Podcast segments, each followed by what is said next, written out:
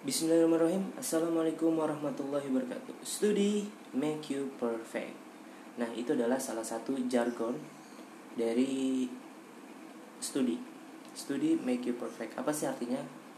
Kalau belajar bisa bikin kamu jadi lebih perfect. Ya walaupun nggak seperfect orang-orang yang punya talent Tapi setidaknya dengan belajar kita bisa Rubah yang tadi nggak tahu Menjadi tahu Menjadi lebih perfect. Karena uh, latihan itu bikin kamu perfect dengan latihan rutin dan ya berlevel gitu.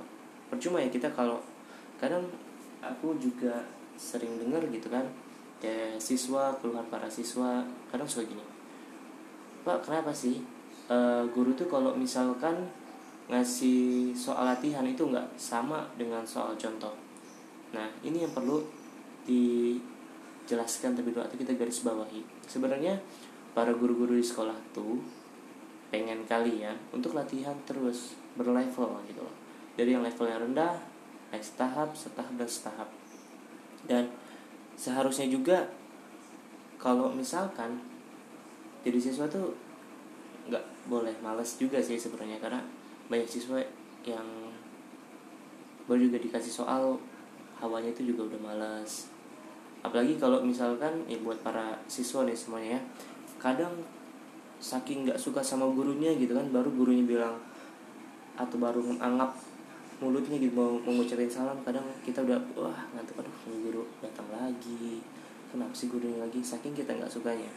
Nah ini adalah satu hal yang bikin kenapa nilai kita tuh uh, gitu di mata pelajaran tertentu? Ya pertama tadi karena kita nggak suka sama gurunya dan kalau misalkan kita sampai nggak suka sama gurunya dan nggak suka sama pelajarannya wah itu udah kacau. Kacau kacau. Kering kering kering kering intinya kayak apa ya eh kita mau belajar pun nggak ada motivasi gitu buat belajar di pelajaran itu. Nah seharusnya kalau misalkan itu gimana cara yang kita supaya bisa belajar dengan baik? Tadi motivasinya adalah kita sukain dulu gurunya dan sukai pelajarannya Kak tapi gimana kalau aku nggak suka sama guru? Kan gurunya tuh ngomong itu pedes gitu. Oke kamu boleh nggak suka sama orangnya tapi jangan nggak suka sama pelajarannya. Beda loh ya. Kita boleh nggak suka sama orangnya tapi ketika uh, guru itu ngajar di kelas kita kita harus menghormati dia sebagai layaknya guru. Dan seharusnya seperti itu. Nggak ada atau murid tuh nggak boleh. Yang namanya nggak suka sama guru mau guru itu sebagaimanapun. Kita harus tetap menyukai karena itu guru pendidik. Tapi tem ingat teman-teman semua bahwa guru itu bukan salah satu sumber belajar gitu loh. Bukan salah satu gimana kita tuh bisa dapat ilmu dari mereka enggak. Guru itu hanya salah satu aja. Artinya adalah banyak sumber belajar yang bisa kita cari sebenarnya di luar itu semua. Apa sih sumber belajar di luar itu semua? Ya kayak kita bisa memanfaatkan platform-platform online buat belajar. Banyak kayak sekarang ya kita nggak perlu tuh yang namanya uh, bimbel secara konvensional bertatap muka tapi kita bisa melakukan bimbel online. Nah sekarang marak banget dan banyak banget dimulai dari aplikasi ruang guru aplikasi hajar aplikasi Zenius dan yang lainnya. Terlebih ke bapak kementerian kita itu uh, bukan bapak ya tapi mas ya karena masih muda masih ganteng namanya mas Nadiem Makarim. Wah ada janjian admin ini homo gitu ya? Enggak uh, saya menghormati uh, mas Nadiem Makarim karena beliau masih muda tapi udah memberikan dampak yang sangat luar biasa impact buat Indonesia. Dan itulah yang memotivasi saya memotivasi kakak memotivasi aku buat sama melakukan hal itu. Apa sih impact yang bisa aku berikan sebagai orang pendidikan buat pendidikan di Indonesia? Dan salah satunya dengan cara seperti ini. Oke kata Mas Nadiem Makarim bahwa belajar itu harus mereka nggak tertuntut atau terhalang oleh apa pun nah sama seperti kalian juga. Kalian seharusnya sebagai siswa bisa membagi waktu supaya belajar kalian tuh ada impactnya gitu. Jangan sampai kalian belajar mati-matian tapi nggak ada impactnya itu sia-sia. Nah iya itu kayak yang aku rasain. Aku udah belajar mati-matian tapi nggak ada impactnya tadi. Karena apa? Karena kamu belajar tentang hal yang kesia-siaan. Apa sih maksudnya? Kayak kamu nggak tahu nih belajar matematika maknanya dan gunanya buat apa di masa yang akan datang yang kamu belajar mati-matian trigonometri algoritma learn terusnya. Banyak deh ya. Kalian nggak ngerti nih ini dipakainya buat apa? Nah sama. Kalian bakal sia-sia belajarnya. Terus gimana kak? Biar kita nggak sia-sia. Tadi maknain kamu passion kamu ke depannya mau apa? Misalkan kak aku mau jadi editor atau mau jadi arsitektur. Oke kalau kamu mau jadi arsitektur artinya kamu harus bisa apa? Arsitektur harus bisa gambar dan gambar itu butuh yang namanya skala perhitungan nah perhitungan itu didapat dari mana? Dari matematika.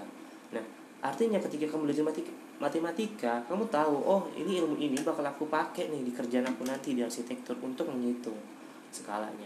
Kak kalau misalkan aku jadi belajar biologi kak uh, aku mau jadi uh, ahli gizi kak ya berarti kamu harus fokus di belajar biologi.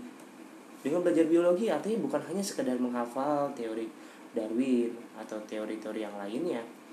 Tapi kamu tahu yang namanya oh makanan ini kalau misalkan kita racik dengan makanan ini bisa meningkatkan nilai gizi. Atau kalau misalkan ada suatu makanan yang emang nggak bisa kepake terus kita tambahin suatu mikroorganisme jadinya bisa ada nilai gizinya. Seperti oncom yang tadinya ampas tahu dikasih jamur yang namanya neurospora kerasa akhirnya dengan yang namanya kerja dari mikroorganisme yang tadinya ampas tahu berubah jadi memiliki nilai gizi dan nilai ekonomis yang sangat tinggi. Nah sama seperti kalian mau belajar apa pun. Terus kak gimana kalau aku nggak suka matematika? Kan aku mau jadi ahli gizi nih kak. Terus gimana kak aku menghadapi matematika fisika dan kimia? Ini sangat penting sebenarnya. Tadi tentang takaran tentang zat tentang yang namanya alat yang harus digunakan ini kan harus tepat. Nah tadi sebenarnya belajar di sekolah itu tujuannya buat apa sih? Apakah hanya untuk mendapatkan ijazah SMA bukan. Kalau misalkan kalian menganggap sekolah itu hanya mendapat ijazah kenapa kalian nggak langsung aja ikut ijazah paket paket A paket B paket C yang waktunya tuh singkat lebih efektif ya enggak tadi yang dicari dalam belajar di sekolah itu apa? Belajar. Belajar itu bukan menghafal bukan hanya sekedar mengetahui tapi tadi memahami. Ada proses perubahan mental karakter dan pengetahuan dan wawasan. Yang tadi bisa kita gunain buat mengarungi kehidupan. Oh gitu ya kayak ya? Iya harus kayak gitu. Tadi yang kedua atau yang mungkin keberapa nih uh, aku nggak tahu. Kita harus punya target. Targetnya harus dibagi lagi. Ada target yang timelinenya jangka pendek jangka menengah dan jangka panjang. Artinya ketika kita sekolah kita datang kita melangkahkan kaki dari rumah ketika sampai ke sekolah ke pintu sekolah ke pintu gerbang sekolah dan ke pintu kelas kita kita tahu apa yang harus kita lakukan hari ini. Jangan sampai aku pernah nemuin ada siswa yang ketika aku ngejelasin malah asik tidur. Terus kalau kayak gitu gimana kak e, menghadapinya? Ya aku menghadapinya ya aku nggak e, ngomong di depan kelas mereka. Aku mungkin ya udah biarin aja orang itu. Karena toh orang itu yang bakal rugi nantinya. Karena orang yang nggak belajar di masa mudanya dia akan merugi di masa tuanya. Mau itu belajar apa pun ya. Karena belajar itu nggak seputar matematika fisika kimia biologi. Belajar itu bisa banyak hal luas. Nah setelah itu masa didemin aja kak? Berarti kakak nggak peduli sama murid enggak Setelah jam pelajaran selesai baru di situ fungsi aku sebagai guru Atau mungkin aku sebagai guru akan memposisikan diri sebagai teman mereka. Kenapa? Kamu seperti itu. Jadi jangan sampai kita udah tahu nih uh, Atau murid atau teman kita uh, Kekurangan di kelas. Jangan sampai kita kayak ah, ngeledekin, ngebully, verbal bullying. Itu nggak boleh sebenarnya. Tapi kita harus tahu kondisi. Dan aku juga menemukan banyak fenomena ya aku miris sih sebenarnya. Ketika murid salah guru itu marah-marah di kelas menyudutkan murid itu. Nah ini akan mengganggu mental murid. Oh iya bener kak. Aku pernah ngerasain. Ya semua orang pernah ngerasain mungkin.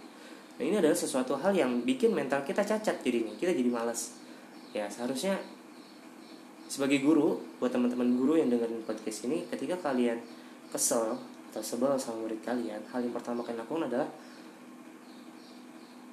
kalian mengajar itu ikhlas atau hanya untuk membuat murid pintar?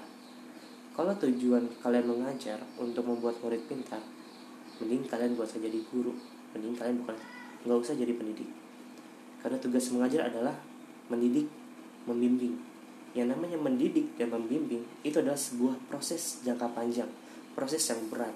Artinya kalau kalian tujuannya ingin membuat murid pintar mending kalian jadi tutor di bimbel saja bukan jadi guru di sekolah karena guru adalah orang tua kedua siswa di sekolah. Oke?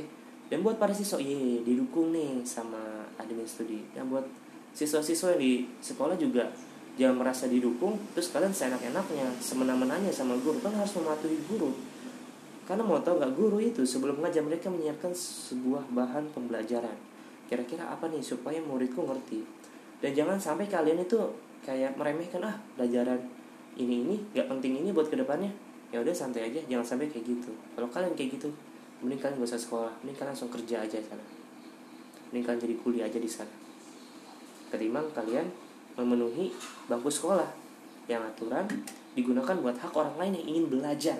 Bukan seperti kalian datang ke sekolah hanya untuk tidur hanya untuk main hanya untuk pacaran. Ini kalian gak usah sekolah. Oke?